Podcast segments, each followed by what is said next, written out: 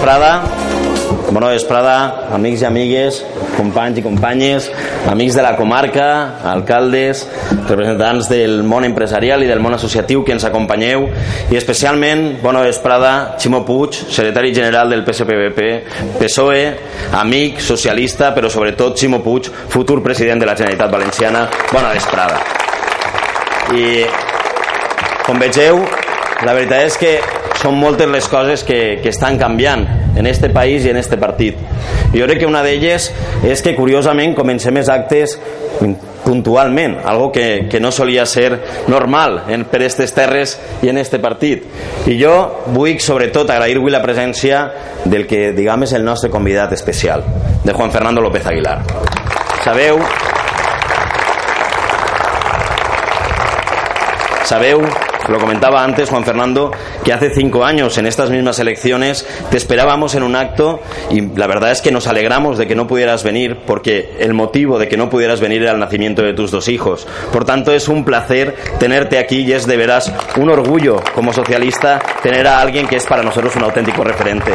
Yo crec que, en Juan Fernando es produeixen o, convergeixen moltes coses. Per a mi, almenys, una de les més importants és que va protagonitzar com a ministre de Justícia els majors avanços socials i de drets que ha viscut este país. Per tant, desde luego yo te estoy profundamente agradecido, te estamos todos profundamente agradecidos y lo que queremos es que continúes luchando por nuestros derechos desde Europa. Juan Fernando, cuando quieras, tienes la palabra.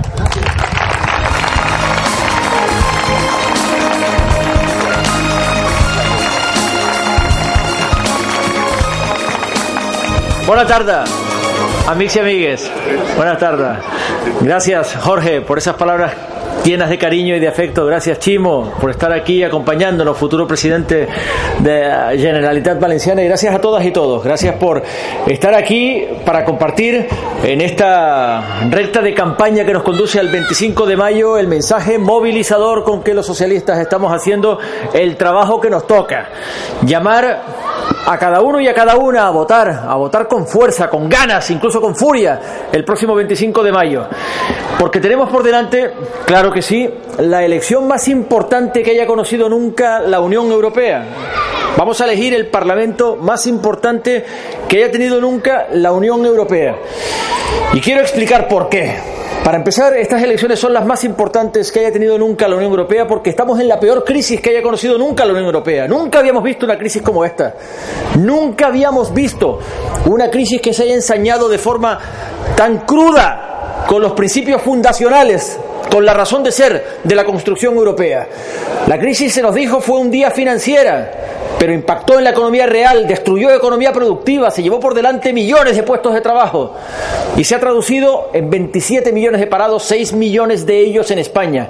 Pues bien, hay que decir con toda claridad que estas elecciones del 25 de mayo llaman a 500 millones de europeos, 47 millones de españoles dentro y todas y cada una y todos y cada uno de los valencianos dentro a decir qué es lo que opinamos con respecto de la salida que queremos para la crisis y cómo queremos retratarnos ante el diagnóstico mentiroso que se nos impuso desde el minuto uno de la crisis por parte de una abrumadora mayoría conservadora, que pretendió que el origen de la crisis era el despilfarro de los gobiernos manirrotos, nunca fue verdad, fue la especulación y la desregulación financiera, y esa cuenta la tenemos que saldar el 25 de mayo. Y a partir de ese diagnóstico mentiroso se nos impuso una disparatada y destructiva estrategia, la llamada austeridad recesiva, que no ha sido otra cosa que un ajuste de cuentas contra el modelo social europeo, que era un contrato redistributivo y solidario de transferencia de renta entre territorios, entre ciudadanos y entre generaciones, para asegurar a los que salen de la actividad laboral porque cumplen mayor edad, pero también para darle oportunidades a quienes aspiran a incorporarse desde la juventud en la actividad laboral y productiva. Ese contrato está siendo subvertido por una mayoría de derechas como no ha conocido nunca la Unión Europea. Y se ha traducido ese ajuste de cuentas implacable en una exasperación de la desigualdad. Desigualdad dicen entre el norte y el sur, entre los acreedores y los endeudados, pero en realidad desigualdad, desigualdad cada vez más exasperante entre los que nunca estuvieron a oscuras y ahora anuncian propagandísticamente luz al final del túnel. Esos ricos, cada vez menos, pero cada vez más ricos, distanciándose cada vez más de los pobres, cada vez más y cada vez más pobres. Se ha producido un empobrecimiento de la clase media, pero sobre todo una trituración de los trabajadores, que siguen existiendo. Y aquí estamos los socialistas para anunciar nuestro compromiso de siempre con el trabajo, con la dignidad del trabajo y con la dignidad de los trabajadores. Y para anunciar nuestra alternativa frente a ese diagnóstico mentiroso y frente a esa estrategia disparatada y relanzar la Europa social y la Europa democrática y apostar por una reforma fiscal que garantice la sostenibilidad del modelo social, pero sobre todo el crecimiento y la generación de empleo. Empleo para la gente joven, que está siendo compelida como nunca a un exilio económico, como no habíamos visto de los años 50 del siglo pasado. Pero empleo también y garantía, garantía social para los parados de larga duración, que también nos duelen a los socialistas. Esos mayores de 50 años con cargas familiares cuyo drama es todavía mayor que el que tiene 27 y no ha encontrado todavía su primer trabajo. Ese drama enorme de quien ha sido expulsado del mercado de trabajo y tiene ya prácticamente perdida la esperanza de volver a encontrar un trabajo digno. Pues tenemos que decir qué es lo que pensamos, no solamente con respecto de esa mayoría conservadora que ha impuesto este pésimo manejo de la crisis y del Parlamento Europeo que va a legislar sobre la libre circulación de personas, sobre nuestros derechos y libertades, pero sobre todo y también sobre el reparto de los recursos y la equidad en el reparto de las cargas y de los sacrificios impuestos por esta crisis con unos presupuestos europeos que sean capaces de relanzar la industria, de reindustrializar Europa, de garantizar la conectividad entre los europeos, la conexión entre los europeos, la innovación y la educación para la gente joven y las energías renovables en la que nos va el futuro. Esa es la apuesta socialista, relanzar la agenda del crecimiento y del empleo, pero también la justicia en el reparto de los sacrificios, que ha sido espantosamente injusta en este manejo de la crisis que hemos venido sufriendo. Pero hay una tercera razón por la que es fundamental que comuniquemos con muchas ganas y con mucha energía lo que está en juego el 25 de mayo. Y es que tenemos que saber que no hay nada de lo que nos ha dolido en España en los últimos años, nada de lo que hemos padecido, ninguno de los padecimientos que se nos ha impuesto, que podamos realmente resolver si no actuamos ahora, en este escalón europeo, que son las elecciones al Parlamento Europeo. Porque lo digo con toda claridad. Aquí en España se ha producido desde el año 2011, dos años y medio ya, dos años y medio ya, una apisonadora de mayoría absoluta de PP. La derecha, arrogante, implacable, antisocial, fatua y navegando en financiación corrupta, que se ha ensañado con los débiles a rebufo de la crisis, que ha vapuleado a los trabajadores con su infame contrarreforma laboral, condenando a una nueva generación de españoles desesperados al exilio económico o a aceptar empleos precarios con salarios de miseria, despidos baratos, sin prestaciones sociales y sin siquiera seguro de desempleo cuando se les despide a la vuelta de la primera esquina al cabo de uno o dos meses de contrato. Y a eso le llaman generar empleo. No, están derrumbando la población activa. Llaman generar empleo a lo que es la suma diabólica de los inmigrantes que una vez vinieron con el boom inmobiliario y se han ido fuera, los jóvenes que se están exiliando, cientos de miles, los más cualificados que haya conocido nunca España, buscándose las castañas fuera y yéndose de mal humor, no se van contentos por aventura, se van enfadados con el país que no les da las oportunidades que han merecido, y cientos de miles de parados de larga duración que se han desapuntado de las listas del INEM porque ni siquiera pueden aspirar a ninguna prestación porque se han derrumbado las prestaciones por desempleo. A eso le llaman el milagro del PP, a esa gran mentira.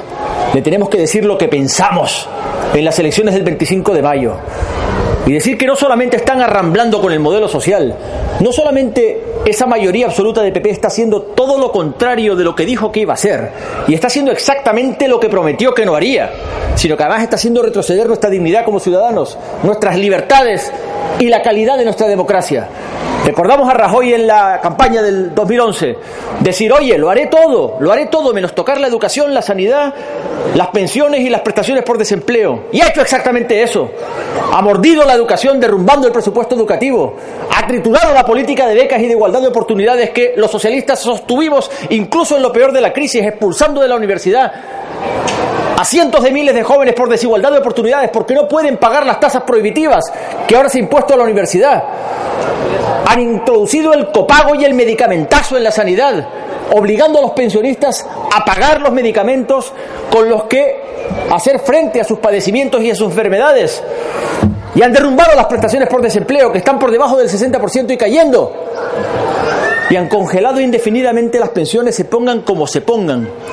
Y ustedes lo saben perfectamente. Lo saben perfectamente ahora que los pensionistas están obligados a pagar un recibo de la luz que crece exponencialmente. Y las medicinas y los medicamentos.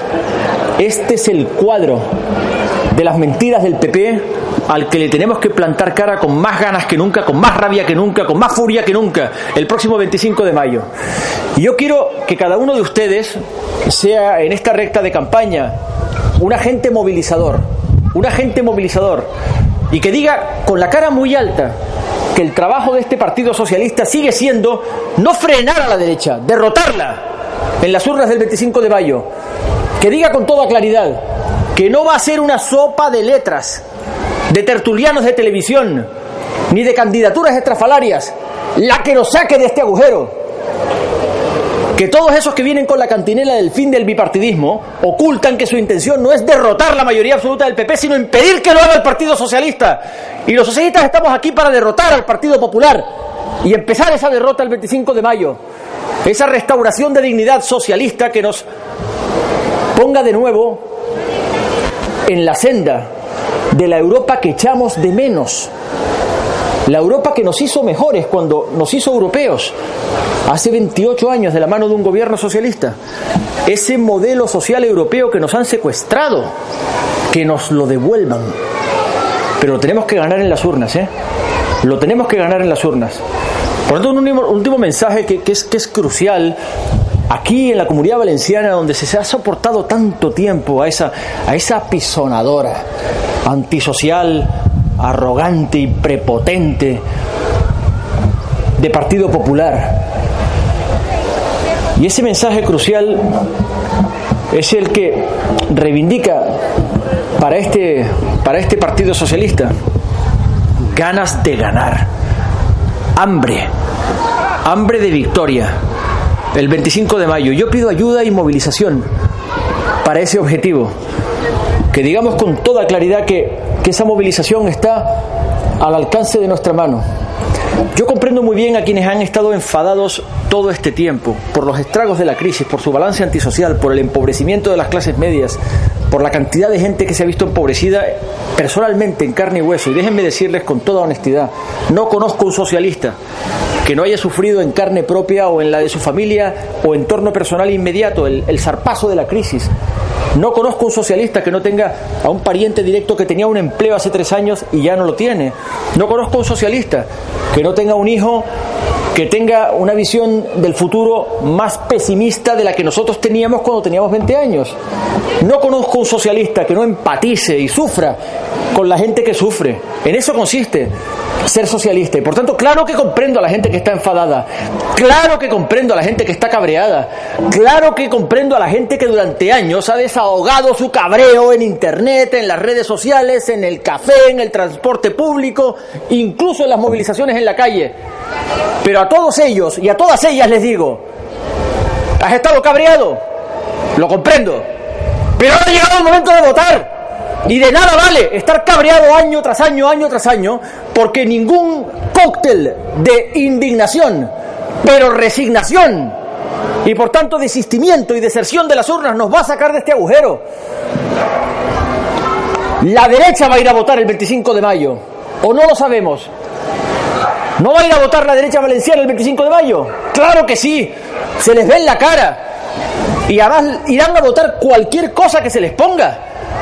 Votarían una lista en blanco, votarán una lista encabezada por Cañete, ese dechado de machismo de machismo infame, votarán una lista encabezada por Canyente como votarían una lista encabezada por una cabra montesa exactamente igual, pero la derecha va a ir a votar, la derecha va a ir a votar el 25 de mayo, va a ir a votar el 25 de mayo. Y la ultraderecha, ni les cuento, la ultraderecha ni les cuento, la ultraderecha está muy vitaminada. Y tiene muchas ganas de ir a dinamitar la Unión Europea por dentro. Y amenaza con multiplicar los escaños de extrema derecha en combinación con una derecha que lleva gobernando el Parlamento Europeo los últimos 10 años. ¿Por qué es esa mayoría conservadora la que nos ha impuesto esta política? Pues si la derecha va a ir a votar, ¿a qué esperamos los progresistas para votar con la misma fuerza? ¿A qué esperamos los progresistas para movilizarnos? Ninguna concesión al desánimo, al desistimiento, a la desmovilización ni a la fragmentación del voto progresista. Ninguna. Vamos a votar el 25 de mayo con todas las ganas, con toda la rabia, con todo el hambre atrasada de victoria que se ha acumulado en estos años aquí en la comunidad valenciana y que tocan a su fin exactamente dentro de un año, mayo a partir de aquí, mayo de 2015 y vamos a ser presidente de una puñetera vez a Chimo Puig. Vamos a hacerle presidente de una puñetera vez. Con ganas. Pues con esas ganas vamos a anticipar esa victoria el 25 de mayo para cambiar, para cambiar esa mayoría conservadora que nos viene castigando con este vapuleo de la gente vulnerable, con esta exacerbación de las desigualdades y con este atropello a toda la gente que está esperando reparación y respuesta. Digamos con toda claridad que la única, la única respuesta posible, no para frenar, sino para derrotar a la derecha, está aquí.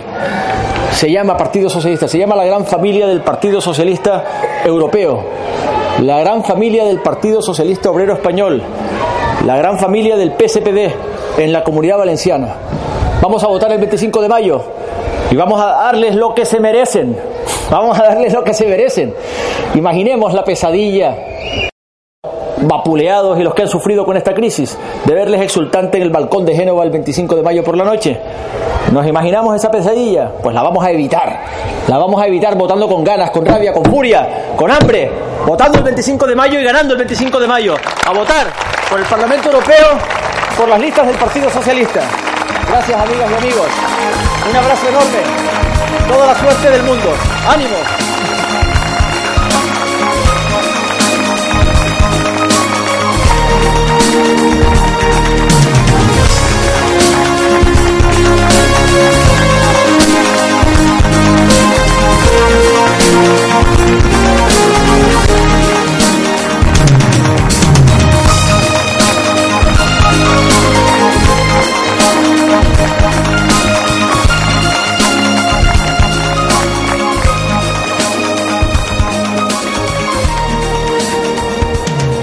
Yo es que li, li, ha, li ha agarrat entonces repetís. Bueno, jo abans he fet, com, dia, com en dia Ximo, abans he, he fet una, una presentació express perquè el company Juan Fernando té que estar en Madrid esta nit encara perquè demà té que, o encara esta nit vola cap a, cap a les Illes Canàries. I la veritat és que dins d'aquesta presentació express pot ser m'haig oblidat de lo més important que era donar-vos les gràcies a tots i a totes per estar avui així per estar en este acte central del Partit Socialista de la Vall d'Albaida. Donar les gràcies també als alcaldes de la Vall, als regidors i regidores, a tots els amics que avui, i malgrat el que diuen, han volgut estar així. I jo avui no, no vull ser el que, el que parle massa, jo crec que avui hem vingut a, a sentir a Juan Fernando López Aguilar i a sentir a Chimo més que a mi. I tampoc vos vaig a ocultar que parlar darrere de Juan Fernando López Aguilar la veritat és que imposa i imposa molt però sí que crec que com a mínim tinc l'obligació o em veig en l'obligació de traslladar-vos tres idees que entenc que, que són importants. La primera d'elles és la necessitat de lluitar per Europa. La necessitat de lluitar per Europa però no per qualsevol Europa. Per l'Europa social per l'Europa política. El diumenge 25 hi ha eleccions europees i entenc perfectament que, com deia abans Juan Fernando, Juan Fernando, la gent les viu en una tremenda apatia. Entenc, i a més crec que els mitjans de comunicació fan bona feina a vegades en això, que la gent entén que no és massa el que es juga a Europa, que el que passa allí no és important, que no va en nosaltres. I ho entenc perquè probablement és que hem tingut la sort de, de néixer ja en democràcia, és que ja hem tingut la sort de néixer i viure amb uns drets consolidats que, per cert, poden llevar-nos si no lluitem per ells, probablement no som conscients de la importància que té Europa. Però molta de la gent que jo veig així, molts dels nostres pares i iaios, molta de la gent que va patir una dictadura, sí que sap la importància d'Europa. Sí que coneix la importància d'Europa com a símbol de progrés, com a símbol d'igualtat, com a símbol de felicitat. I nosaltres creem precisament en eixa Europa. En eixa Europa que simbolitzava tot allò que volíem els espanyols, l'abans, la lluita per la igualtat, la fraternitat, tot allò pel que havíem lluitat anys i anys i que ara han volgut frutar-nos. Perquè no s'enganyeu, quan la dreta governa, siga en Espanya, siga en Europa, siga en Ontinyent, quan parla de valors, sols parla dels valors que cotitzen en bolsa. Quan parla de llibertat, sols parla d'una llibertat que és la llibertat de capitals. I quan pensa en el risc, no pensa mai en el risc d'exclusió social, sols pensa en la prima de risc. Per això vos dia que hi ha dos Europes, i això jo crec que és molt important que ho assumim. Hi ha una Europa dels mercats i dels capitals i hi ha una Europa de les persones. I quan, com ocorreix ara en Europa, hi ha més d'una dècada de majories absolutes de la dreta, el que acaba ocorrint, com així hem patit, és que els governs d'esquerres dels països acaben doblegats, com va passar amb Zapatero i com volen que ara passe a França i a Itàlia. Per això és important que votem, que com dia Juan Fernando, siguem meses de l'Europa dels valors, perquè si som meses de l'Europa dels mercats no va canviar res, perquè si som més de l'Europa dels capitals, les persones no van a ser mai una prioritat. I perquè si el que volem de deberes és aconseguir que cada vegada les, les qualitats de vida i les condicions de vida dels ontinyentins i ontinyentines, dels valencians, dels espanyols i en definitiva dels europeus vagin a més, sols hi ha una garantia i és la que oferta el Partit Socialista. Però hi ha una campanya, jo estic absolutament convençut de que hi ha una campanya que a més no és gratuïta, és una campanya perfectament orquestrada per la dreta i sobretot pels mitjans de manipulació que no d'informació. Una campanya que hi ha un, missatge jo crec que, que molt nítid, un missatge molt clar, que en essència havia dir el diumenge que ve no fa falta que vagis a votar. Total, guanyi qui guanyi no va canviar res, per què vas anar a votar? I jo vos puc assegurar que els votants de dretes no van a fer-ho, que els votants de dretes van anar a votar i votaran amb més entusiasme o amb menys entusiasme, amb alegria o sense ella, es taparan el nas si fa, si fa falta per a votar, però votar, votaran amb tota certesa. I per tant, si no anem nosaltres, van a fer-se amb tot. I jo no vos oculte que me sent molt orgullós dels votants socialistes. Em sent molt orgullós perquè els votants socialistes no votem qualsevol cosa, som crítics. Quan el nostre partit fa algo que no ens apanya, ens plantegem si el castiguem o no el castiguem. Però també vos dic que crec que esta vegada tenim una prova molt important. Ara ja sabem que quan la dreta governa a la majoria dels països europeus, les retallades no cessen i els governs d'esquerres acaben claudicant. Si anem a les manifestacions, si ens queixem, protestem, s'enfadem, però el dia 25 no votem, el que estarem és fent-li un immens favor a la dreta.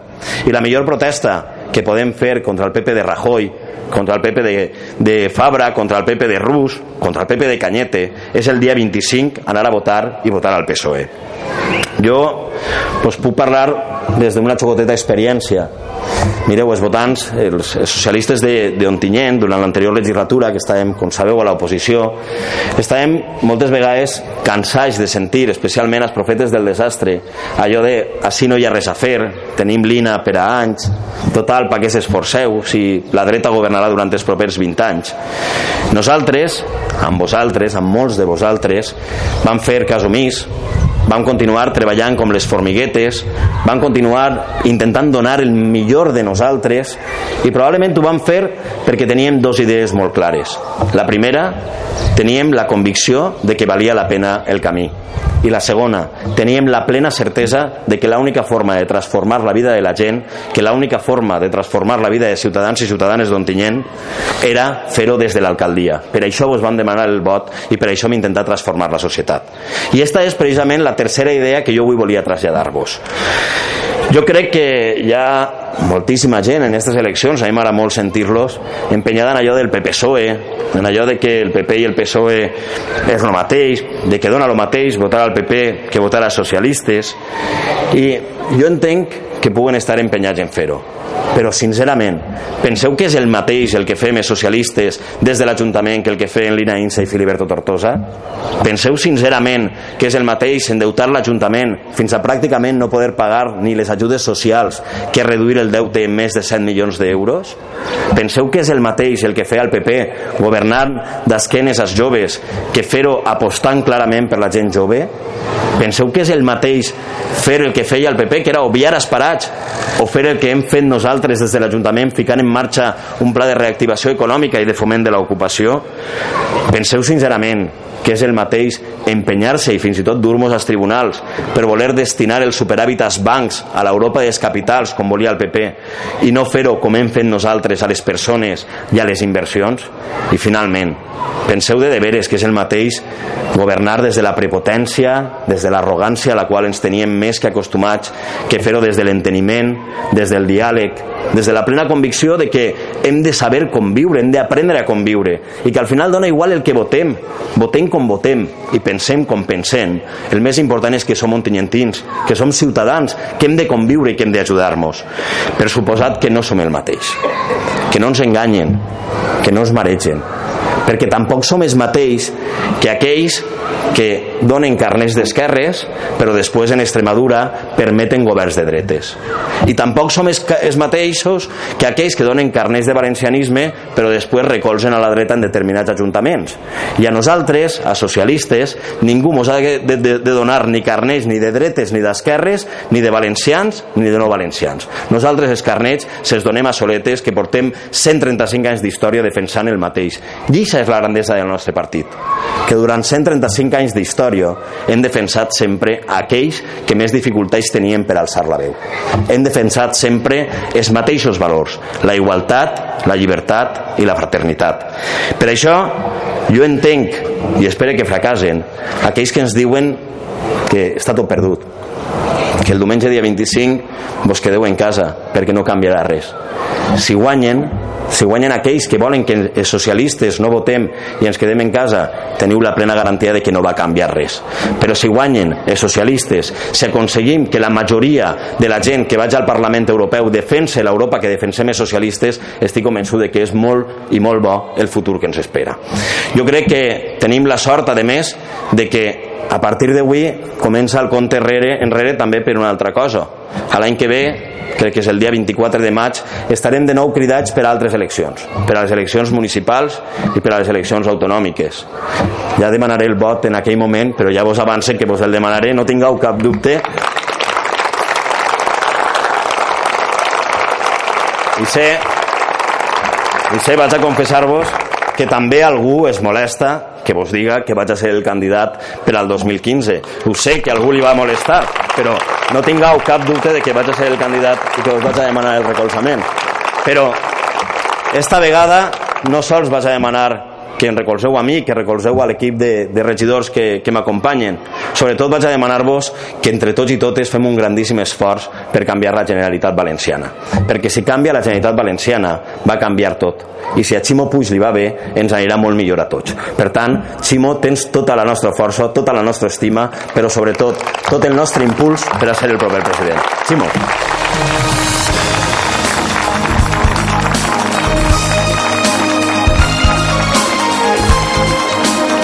Gràcies, Jorge. Moltes gràcies, Jorge, i moltes gràcies a totes i a tots per estar esta vesprada així, a l'aire lliure, al parc, donant la cara per a tots els ciutadans que vulguin escoltar allò que diem els socialistes. Nosaltres no tenim que amagar-nos a cap lloc.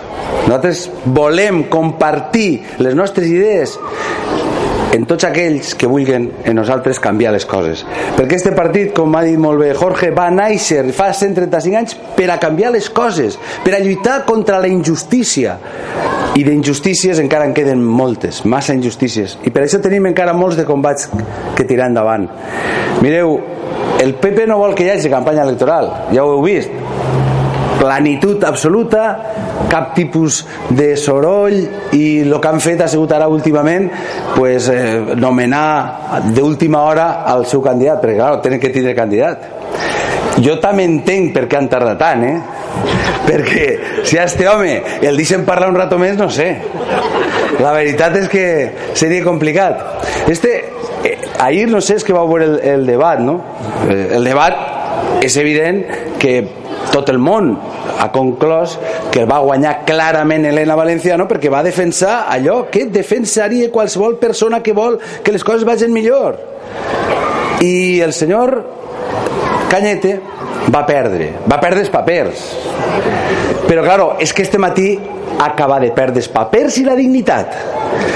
I este matí no se li ha ocorrit res més que dir que, claro, com podia ell donar aquesta apariència de superioritat intel·lectual que té davant d'una dona.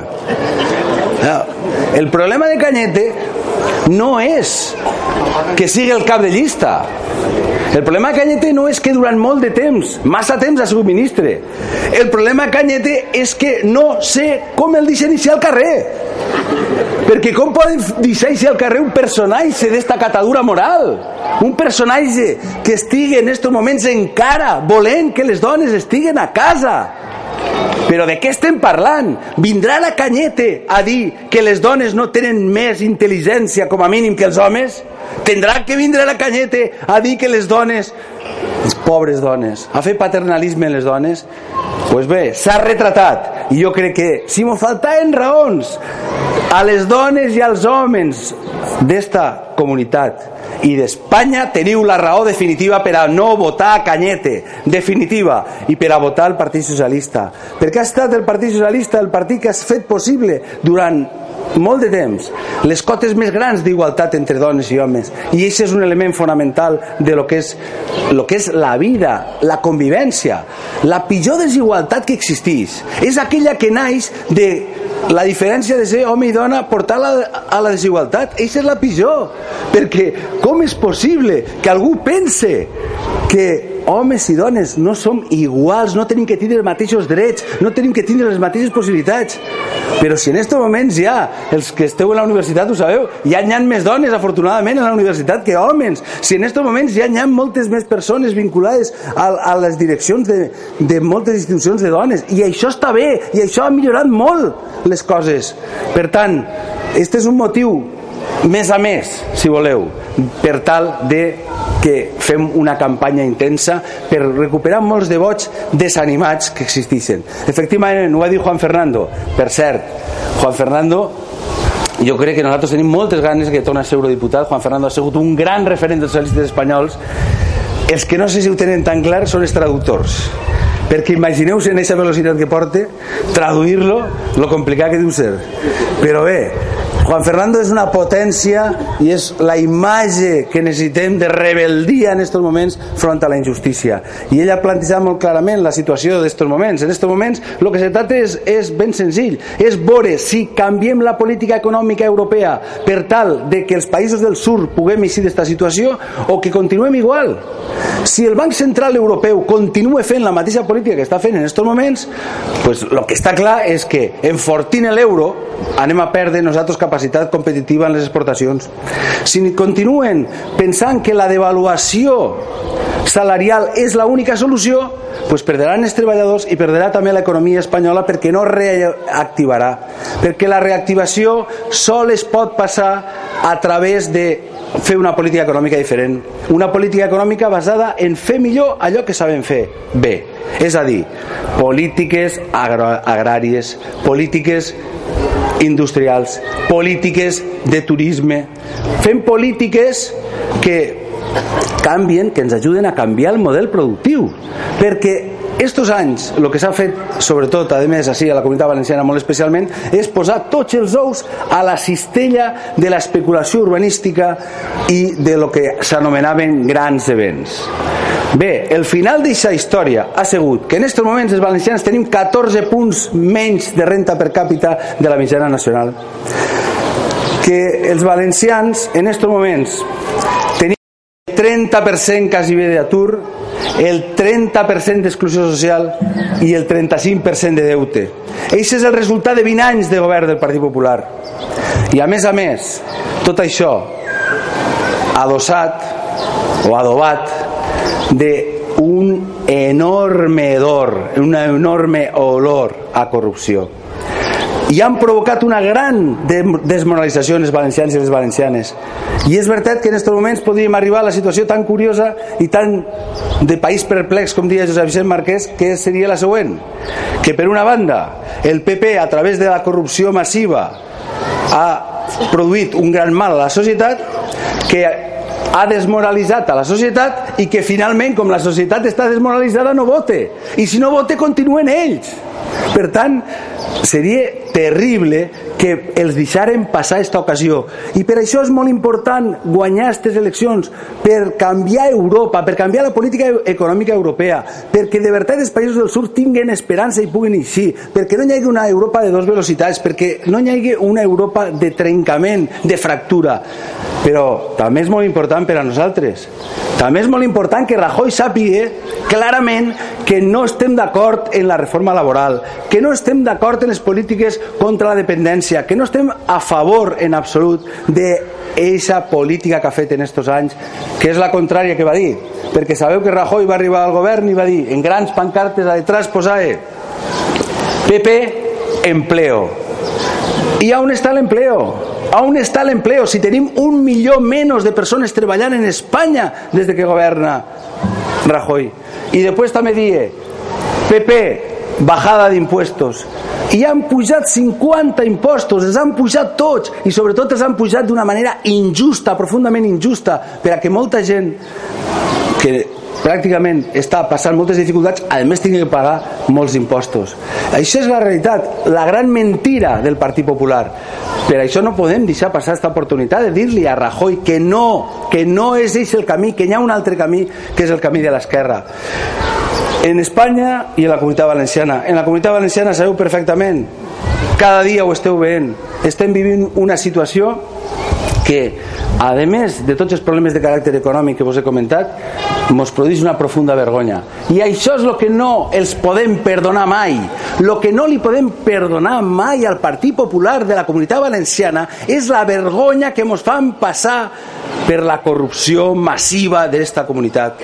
I així no hi ha el cas Nos, així no està el cas Brugal, així no està el cas Gürtel, així no està el cas Fabra, així, amigues i amics, està el cas PP.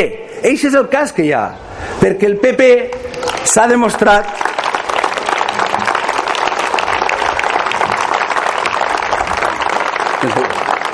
Gràcies. Això és efectes de la campanya. El PP s'ha demostrat, no ho diem els socialistes, ho diu el jutge Ruth, el juez Ruth, ho ha dit el Partit Popular durant anys, durant molts anys, ha guanyat les eleccions fent trampes. Ha guanyat les eleccions dopat. I els seus polítics, els seus dirigents, han estat dopats perquè han cobrat sobresous de la Caixa B. I han hi hagut empreses que també han estat dopades quan han anat als concursos. I això és el que ha passat, però no ha sigut un o ni un altre, és que han estat tots. Fabra que diu que posa quan, quan les línies roges eixes, se les tindria que posar ell mateixa, perquè la seva campanya electoral també va estar al Bigotes, també va estar a Gürtel, perquè han estat en tots els àmbits. I això, a part de, del problema econòmic que representa, sobretot representa un problema moral, un problema ètic. I des de luego representa un problema de reputació de la comunitat valenciana. I moltes empreses de la comunitat valenciana en aquests moments, inclús mantenint l'activitat així s'han situat en Madrid perquè no està bé aquesta reputació. I això és el que tenim que alçar i això és el que anem a alçar anem a fer una nova comunitat i una nova comunitat en un nou projecte de comunitat i ho anem a fer entre tots. I anem a fer un gran pacte de la Generalitat per eixir d'esta crisi i perquè hi hagi cohesió social i que tinguem possibilitats de futur. Però la veritat en aquests moments és que no, per més que diguen estem en una situació molt difícil. Mireu, un dato només. L'any passat se'n van anar prou gent d'Espanya. De tota la gent que se'n va anar d'Espanya, de la comunitat valenciana se'n van anar més gent que si contem Andalusia, Madrid i Catalunya junts. Per tant, nosaltres estem francament pitjor que altres, pitjor que altres comunitats. I això no ha sigut perquè sí, ha sigut perquè el Partit Popular durant 20 anys ha equivocat, ha errat absolutament les polítiques, no ha posat a les persones per davant, ha posat els seus interessos personals, particulars i partidaris. I ara se tracta d'obrir una nova etapa, però per obrir una nova etapa n'hi ha que passar pàgina. I com n'hi ha que passar pàgina, ja li ho vaig dir fa un mes a Fabra, perquè ho va dir que li preguntaren uns empresaris si estava jo disposat a fer un govern de gran coalició en el Partit Popular. Fa dos mesos que li ho vaig dir li ho vaig dir. I avui ho reitere així amics i amigues d'Ontinyent i companys i companyes de la Vall d'Albaida. No hi haurà cap pacte de govern PP-PSOE no hi haurà cap acord. No hi haurà gran coalició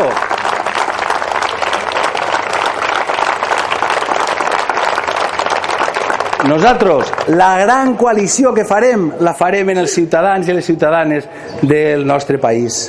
En els ciutadans i les ciutadanes d'aquest país sí que anem a fer una gran coalició, una gran coalició per alçar la dignitat del poble valencià que se la mereix. Perquè mireu, en aquests moments és veritat que tenim greus dificultats en l'ocupació, tenim problemes econòmics molt greus i a més tenim un estat social, un estat del benestar que havien aconseguit construir en molts esforços que s'està caent a trossos en moltes parts. Una de les primeres coses que farem el govern socialista serà derogar el decret del copagament. El decret del copagament de serveis socials, que per estalviar 7 milions d'euros, per estalviar 7 milions d'euros a l'any, el que està produint és un immens dolor en moltes persones, en moltes famílies. Famílies que tenen que traure els xiquets o les xiquetes en malalties dels centres ocupacionals o dels centres d'educació especial, perquè pagaven 150 euros, alguns ja tenen que pagar 400 o 500 euros, i els tenen que traure. I l'altre dia un pare, prop d'ací, en un poble prop d'ací, a la costera, me dia que el seu drama no era ja que tenia que treure el seu fill de 18 anys del centre ocupacional que era molt dur perquè el seu fill s'està adaptant i està treballant i està fent coses no, el més dur me dia és què serà del meu fill quan jo no estiga i això una societat de gent no s'ho pot permetir i mireu, sols per això tenim que tornar al govern de la Generalitat perquè la Generalitat té que ser un govern per a una societat decent. I la comunitat valenciana té que ser una comunitat decent una comunitat de gent honrada honesta que ho és, el que no ho són són els seus dirigents. Per tant, amigues i amics, estem en este moment que és clau. I tenim que començar ja a dir als dirigents del PP d'ací per on va el tir perquè en Europa és veritat que si no canvien les coses nosaltres ho anem a tindre molt difícil també. Molt difícil des del punt de vista econòmic perquè en aquests moments com vos he dit al començament la política econòmica és una política que està absolutament vinculada a lo que són els interessos de la dreta alemana. I això se necessita canviar. I per a canviar això nosaltres no estem només criticant tenim propostes clares. Vos vaig a dir tres, n'hi ha moltes més però n'hi ha tres propostes ben clares que volem portar al Parlament Europeu per a que s'apliqui des de la nova Comissió Europea. La primera la primera és que ja que passar de l'austeritat radical, de l'ajust radical a una política expansiva i proposem ben això un pla Marshall que signifique intentar injectar recursos per a la reindustrialització d'Europa, per la innovació, per la recerca, per intentar en qualsevol cas, que la economia europea renaixque. I per això se necessita passar d'unes polítiques de contenció radical a unes polítiques que avancen en l'estímul, polítiques de creació d'ocupació, perquè el principal indicador que hem de veure sempre no és tan altres de caràcter macroeconòmic, el més important és l'atur, i hi ha 27 milions de persones parades a Europa. Per tant, este plan Marshall d'incentiu a l'economia, un segon element, la joventut, l'empleo jove. Ara, en aquests moments, la Comissió Europea va estar treballant en un pla d'empleo juvenil, però un pla d'empleo juvenil que fa anys que està dansant i que no acaba d'implementar-se. Així en Espanya ja se podria estar fent i a la comunitat valenciana també, però no s'està fent encara. Bé, nosaltres proposem un pla de 21.000 milions d'euros, que no és res per a Europa, 21.000 milions d'euros que significaria que tots els joves, quan acaben la seva formació, tant en FP com en la universitat, puguen tindre una opció a treballar I el tercer element per a financiar totes aquestes qüestions i moltes altres que hi ha que fer des d'Europa és fonamental acabar en els paradisos fiscals. Hem d'acabar en els paradisos fiscals, perquè els paradisos fiscals signifiquen en aquests moments que s'està perdent molts de recursos i és, a més, profundament injust, perquè mentre la gent normal, les classes mitjanes i treballadores tenen que pagar els impostos, aquells que tenen més diners no paguen impostos. Per tant, hem d'acabar en els paradisos fiscals, entre altres coses, per a que no hi hagi sinvergüences com Bárcenas i els amics del Partit Popular que van aportar els diners a paradisos fiscals ocults però això és una part d'un programa que té el Partit Socialista Europeu i que hem de portar endavant. Clar que hi ha alternatives, no es tracta només de criticar, hi ha alternatives i tenim alternatives com les tenim així i com les posarem en marxa així. Per això, companyes i companys, estem en un moment en el que és necessari convèncer als ciutadans que no caiguen en el parany que els ha posat la dreta de que aquestes eleccions no serveixen per a res i que al fi al cap tot continuarà igual. Tot continuarà igual si no guanyem les eleccions. Si guanyem les eleccions, no. Si guanyem les eleccions, canviaran, començaran a canviar les coses, perquè és necessari que el canvi comence per Europa. I per això vos demane el màxim esforç possible. Jo sé que ho fareu, però ho tenim que fer de veritat convençuts. Nosaltres som optimistes. El socialisme és l'optimisme. Mireu si era optimista Pablo Iglesias, perquè Pablo Iglesias era un diputat soles, i en un diputat soles vam aconseguir al final que la jornada laboral fora de 8 hores, i en un diputat soles vam aconseguir que se començara a parlar del sistema de prevenció social. En un diputat soles se va començar a canviar la història. Nosaltres ara ne som més, molts més, i tenim més obligació i tenim molta més obligació de donar la cara pel conjunt de la ciutadania.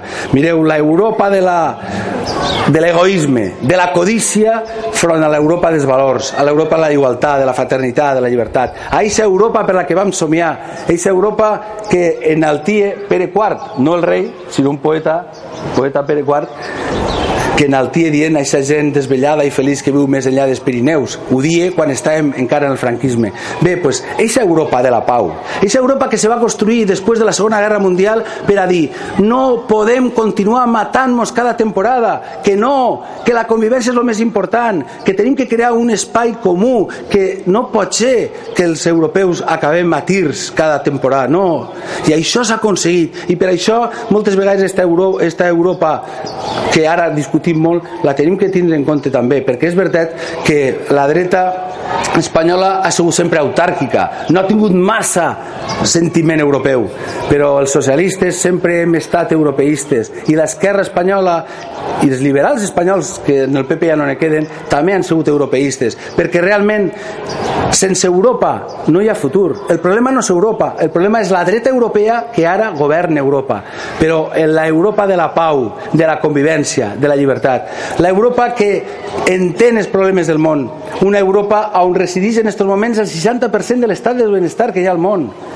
Per tant, eixa Europa, eixa model social europeu, eixa Europa que diu Lula que caldria declarar la patrimoni de la humanitat, perquè eixa sí que és l'Europa bona. Europa també és com el colesterol, hi ha l'Europa bona i l'Europa roïna. Pues quedemos en l'Europa bona, queremos en l'Europa bona. I res més, companyes i companys. Jo sols vos vull dir una cosa. A mi ara de quan en quan me pregunten, home, home, se necessita ser atrevit, no?, per a voler ser president. I bueno, pues sí, els socialistes som optimistes, perquè si no fórem optimistes la veritat és que és complicat. Però quan me pregunten, això que deia antes Jorge, no?, de que tots som iguals, que tot és igual, i diu, i, i tu què faràs? Sabeu el que es dic? pues jo intentaré fer allò que Jorge està fent a Ontinyent. Això intentaré fer.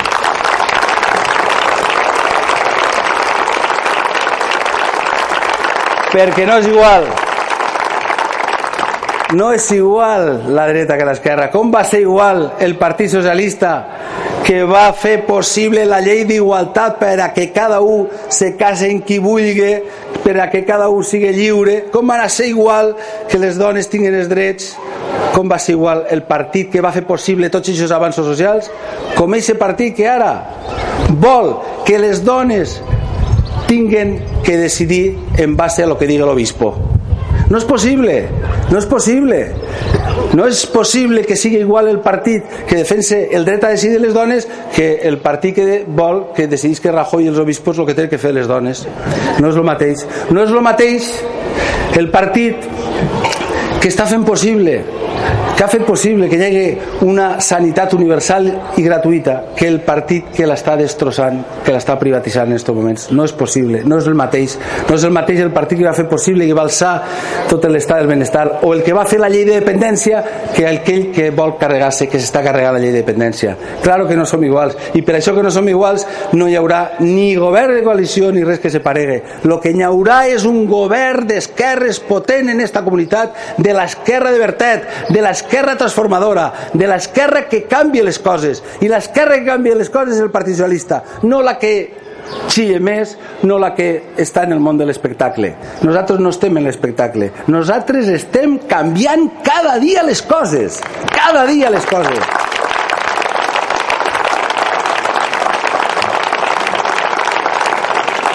Ni gran coalició, ni tripartit. Nosaltres, socialistes, en un projecte fort, potent i capaç de canviar les coses en esta comunitat.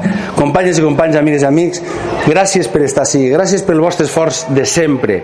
Mireu, els fundadors d'Europa diuen que volien l'Europa que sumare persones i que no sumare països. Estem molt lluny d'ahir encara, però aquest és el camí. Hem d'anar sumant persones. I a més una Europa que mai té que perdre la humanitat perquè quan veiem el que ha passat en Lampedusa quan veiem el que ha passat en Ceuta això no és l'Europa que els socialistes volem no, perquè Europa té que ser una Europa capaç d'entendre el sofriment de totes les dones i homes del món perquè és evident que hi ha que tindre una política migratòria però la política migratòria no pot ser la política insolidària, injusta, la política de la barbàrie. Eixa no pot ser la política. La política té que canviar les coses, canviar de coses. Quan veus, per exemple, la diferència que hi ha en aquests moments entre la renta per càpita de Zàmbia, 200 euros a l'any, i la de Luxemburgo, 115.000 euros a l'any, és evident que alguna cosa hem de canviar. I, claro, això no canviarà el que ha sigut president de Luxemburgo durant molt de temps, Juncker, que és el candidat de la dreta. Perquè, claro, si ell ha sigut president de Luxemburgo, el que vol és mantenir els paraïsos fiscals a Luxemburgo. Aquesta és la realitat. Per tant, tenim molta feina de convenciment i mos queda una setmana. I ha començat la campanya electoral de veritat, perquè ahir vam veure que hi ha partit, que hi ha possibilitats de guanyar aquest partit i que, des luego, com, com diu Simeone, partit a partit ho guanyarem. Gràcies.